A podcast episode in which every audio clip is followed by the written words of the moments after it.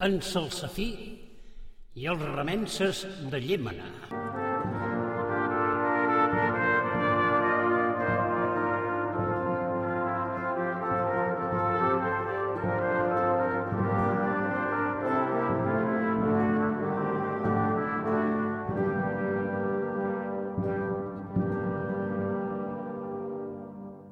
Després de l'aventura a la terra de Caulès i el volcà de la Crosa, en Salsafí va tornar a casa i amb l'ajut d'en Gorja Blanc va dedicar el temps a aprendre la parla dels animals i fins i tot a interpretar els sons del bosc, la terra i l'aigua.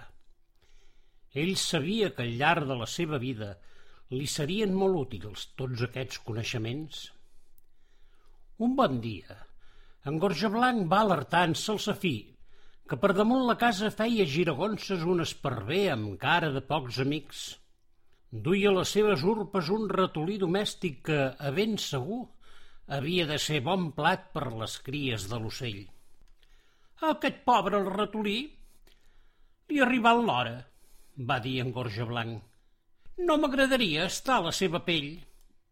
Jo diria que aquest ocell està buscant alguna cosa, va respondre en Salsafí. Quan un rampinyaire fa cercles en l'aire, o és que és a punt de caçar, o és que cerca una branca per descansar. Ni que li hagués llegit el pensament perquè, tot d'una, l'esparver va baixar i es va posar a la branca més alta de l'alzina del jardí. L'esparver aleshores va obrir les urpes on hi tenia empresonat el ratolí i aquest va davallar pel tronc de l'arbre fins a plantar-se davant d'en Salsafí. Tot seguit, i abans que el noi digués res, va començar a explicar la raó de la seva sobtada visita. Tu ets en Salsafí, oi? Perdona que em presenti sense estar convidat, però es tracta d'un cas molt urgent. Sóc en Poruc, el ratolí domèstic i lladre ferit d'un dels templers que vas ajudar a la terra de Caulers. El meu cavaller m'ha enviat fins a tu per a demanar-te ajuda. I què puc fer per vosaltres? Va preguntant-se el Safí. Veuràs, els remenses de la vall de Llémena corren un gran perill. Ahir mateix, i mentre feien parada i fonda a Girona camí de França, em vaig poder escolar dins el serró d'un correu de la Generalitat i vaig llegir un pergamí on s'informava d'una reunió secreta de tots els capdills remenses a l'església de Sant Martí de Llémena. T'imagines? Si la Generalitat i el rei saben d'aquesta reunió, els seus soldats faran una bona escabatxada de remenses i la guerra la tindran guanyada. Un moment, un moment, un moment, va dir en Salsafí. De tot això que m'expliques no en sé ni un borrall. I si comencessis pel començament? Aleshores en Poruc va agafar aire i va explicar fil per randa la història dels remenses. Fa una colla d'anys, els remenses de la vall de Llémena i d'altres indrets van revoltar-se contra els senyors feudals, amos de les terres que conreaven i senyors de les contrades. Remenses? va preguntar en Gorja Blanc. Que són una mena de ramadors, potser? I no, són pagesos que pertanyen al seu senyor i que, per deixar la terra i ser lliures, han de pagar un preu molt alt al seu amo. No l'interrompis, Gorja Blanc, i deixa que Poruc s'expliqui, va dir en Salsafí. I en Poruc reprengué la història. Eren temps difícils. La pesta negra havia causat gran mortaldat i les males collites i els terratrèmols portaren la vall a la misèria. Els senyors, lluny d'ajudar els seus pagesos, els carregaven amb més impostos, fent mal ús dels seus drets. La Generalitat va fer costat als senyors feudals i els remenses, revoltats i capitanejats per Francesc de Ventallat, buscaren l'auxili del rei, el qual, i per un temps, va suspendre els drets dels senyors feudals. Què és això dels mals usos? va tornar a interrompre Gorja Blanc. Els mals usos són les exigències que, amb el pas del temps, els senyors han anat imposant als remenses. Han de pagar per tot per marxar del mas, per casar-se, per morir. Les dones que han tingut fills també han de lletar els fills dels senyors i quan mor el cap de la família li han de donar la millor flaçada i així un munt de coses més. Com que els senyors feudals abusen dels seus drets, la gent diu que en fan mal ús. Ja sou ben estranys, els humans, va dir en Gorja Blanc.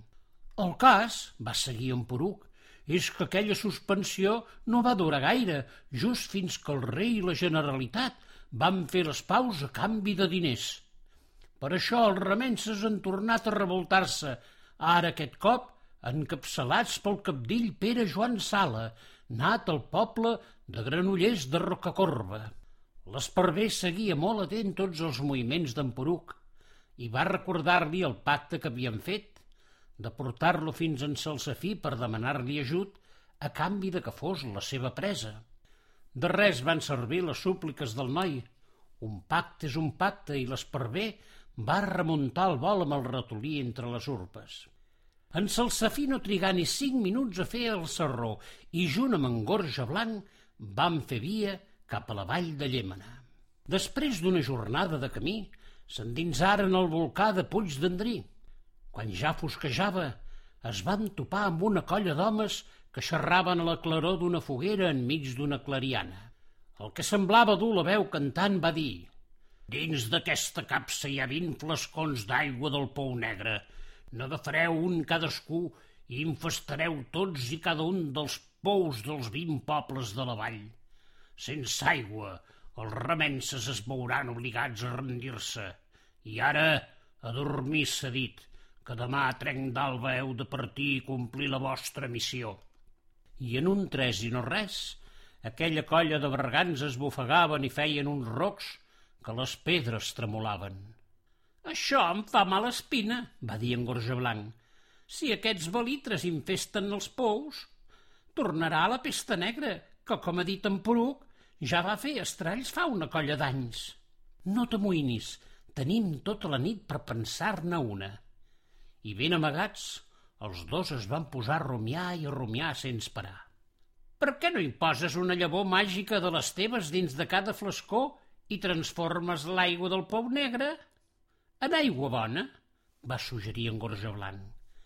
Ja fora una bona pensada, però com ho puc fer? La capsa dels flascons la té ben aferrada als braços d'aquell homenàs i em caldria ser ben petit per ficar-m'hi dins i posar una llavor a cada flascó.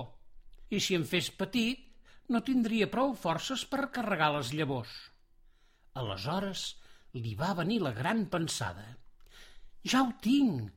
Ja sé qui pot carregar dues vegades el seu propi pes. Les formigues. Dit i fet.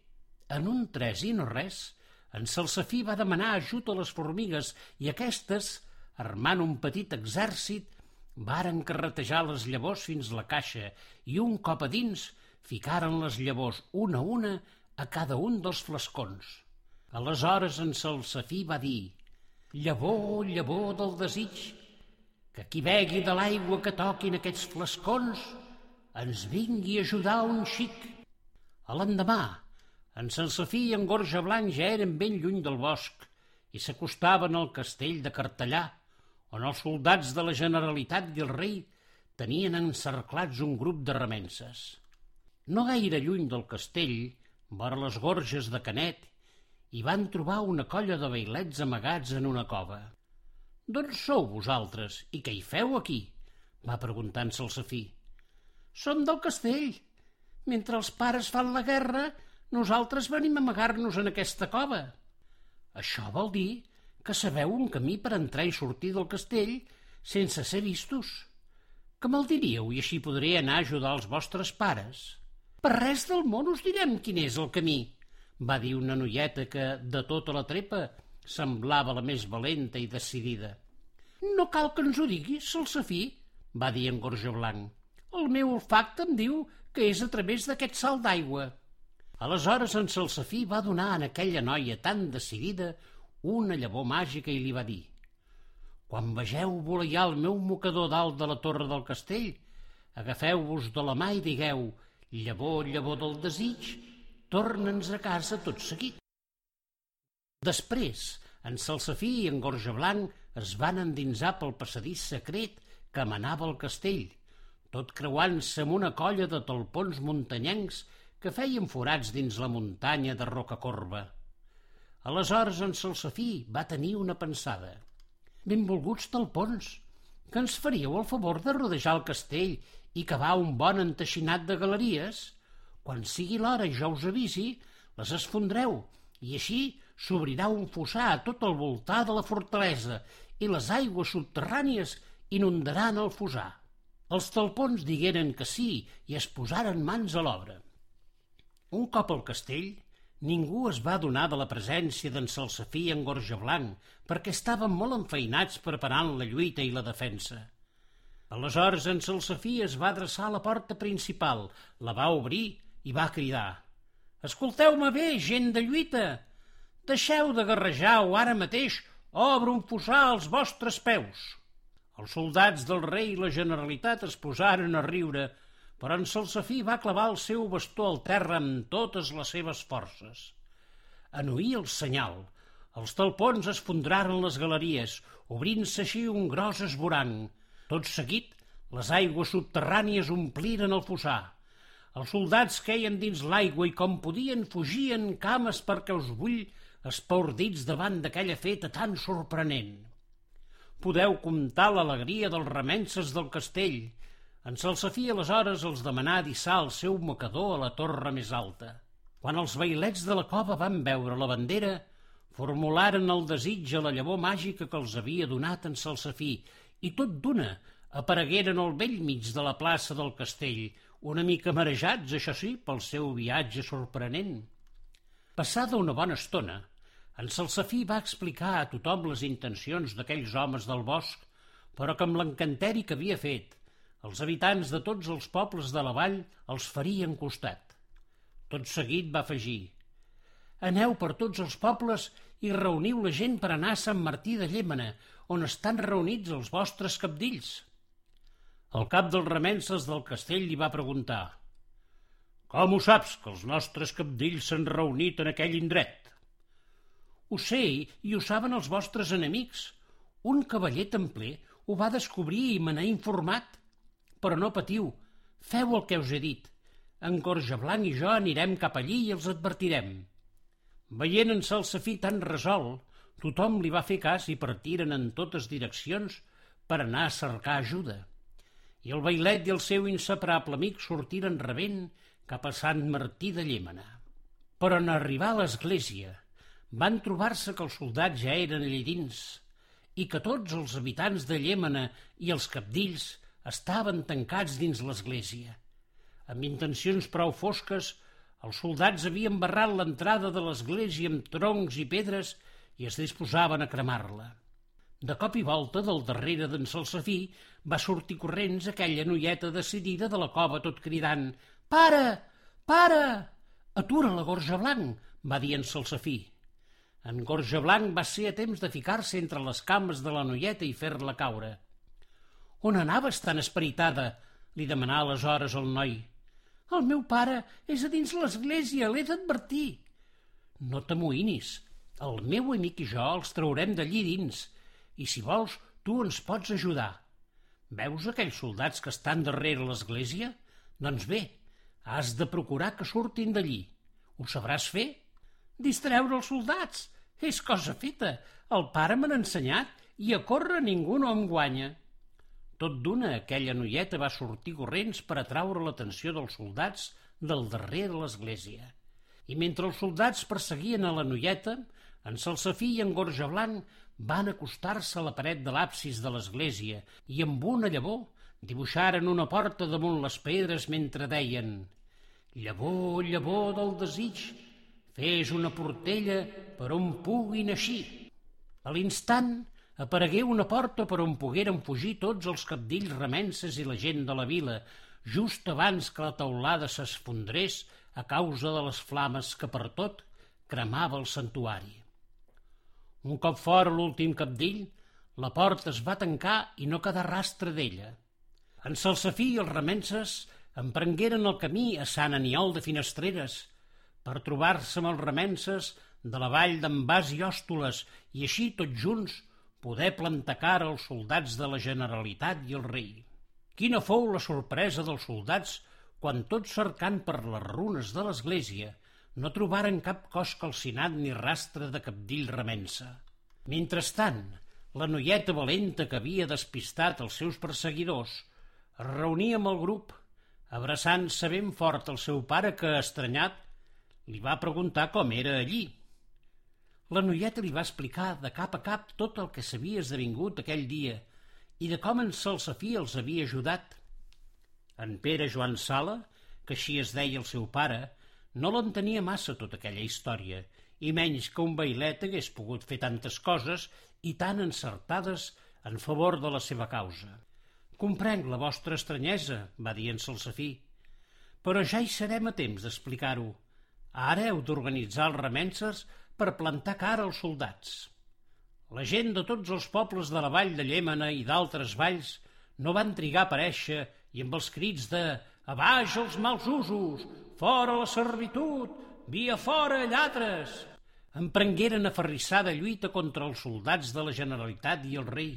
I si bé aquests tenien armes, casc i escuts i estaven entrenats per a la guerra, de res no els servia tot això davant l'embranzida dels vilatans que amb forques, dalles i estris de tota mena i moguts pel neguit que els havia donat l'aigua encantada que aquells malfactors del bosc, sense saber-ho, havien abocat els seus pous, plantaren cara i aconseguiren foragitar els soldats.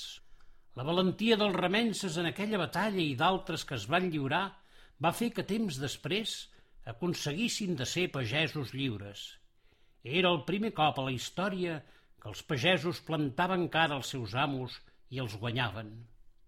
Però tot això, aleshores, ningú no ho sabia, ni tan sols en Salsafí. Ara el que sabien era que calia festejar la victòria i, encapçalats per Pere Joan Sala, continuar la revolta per tot Catalunya. Tots els habitants de la vall de Llémena volien acostar-se en Salsafí per agrair-li el seu ajut, la trepa de nois de la cova li demanaven tornar a fer un altre viatge com el que havien fet fins al castell de Cartellà. En un tres i no res, pararen grans taules i cuinaren un bon àpat per festejar la victòria i honorar el bailet. El pobre Salsafí no sabia on posar-se amb tants d'honors i lluances.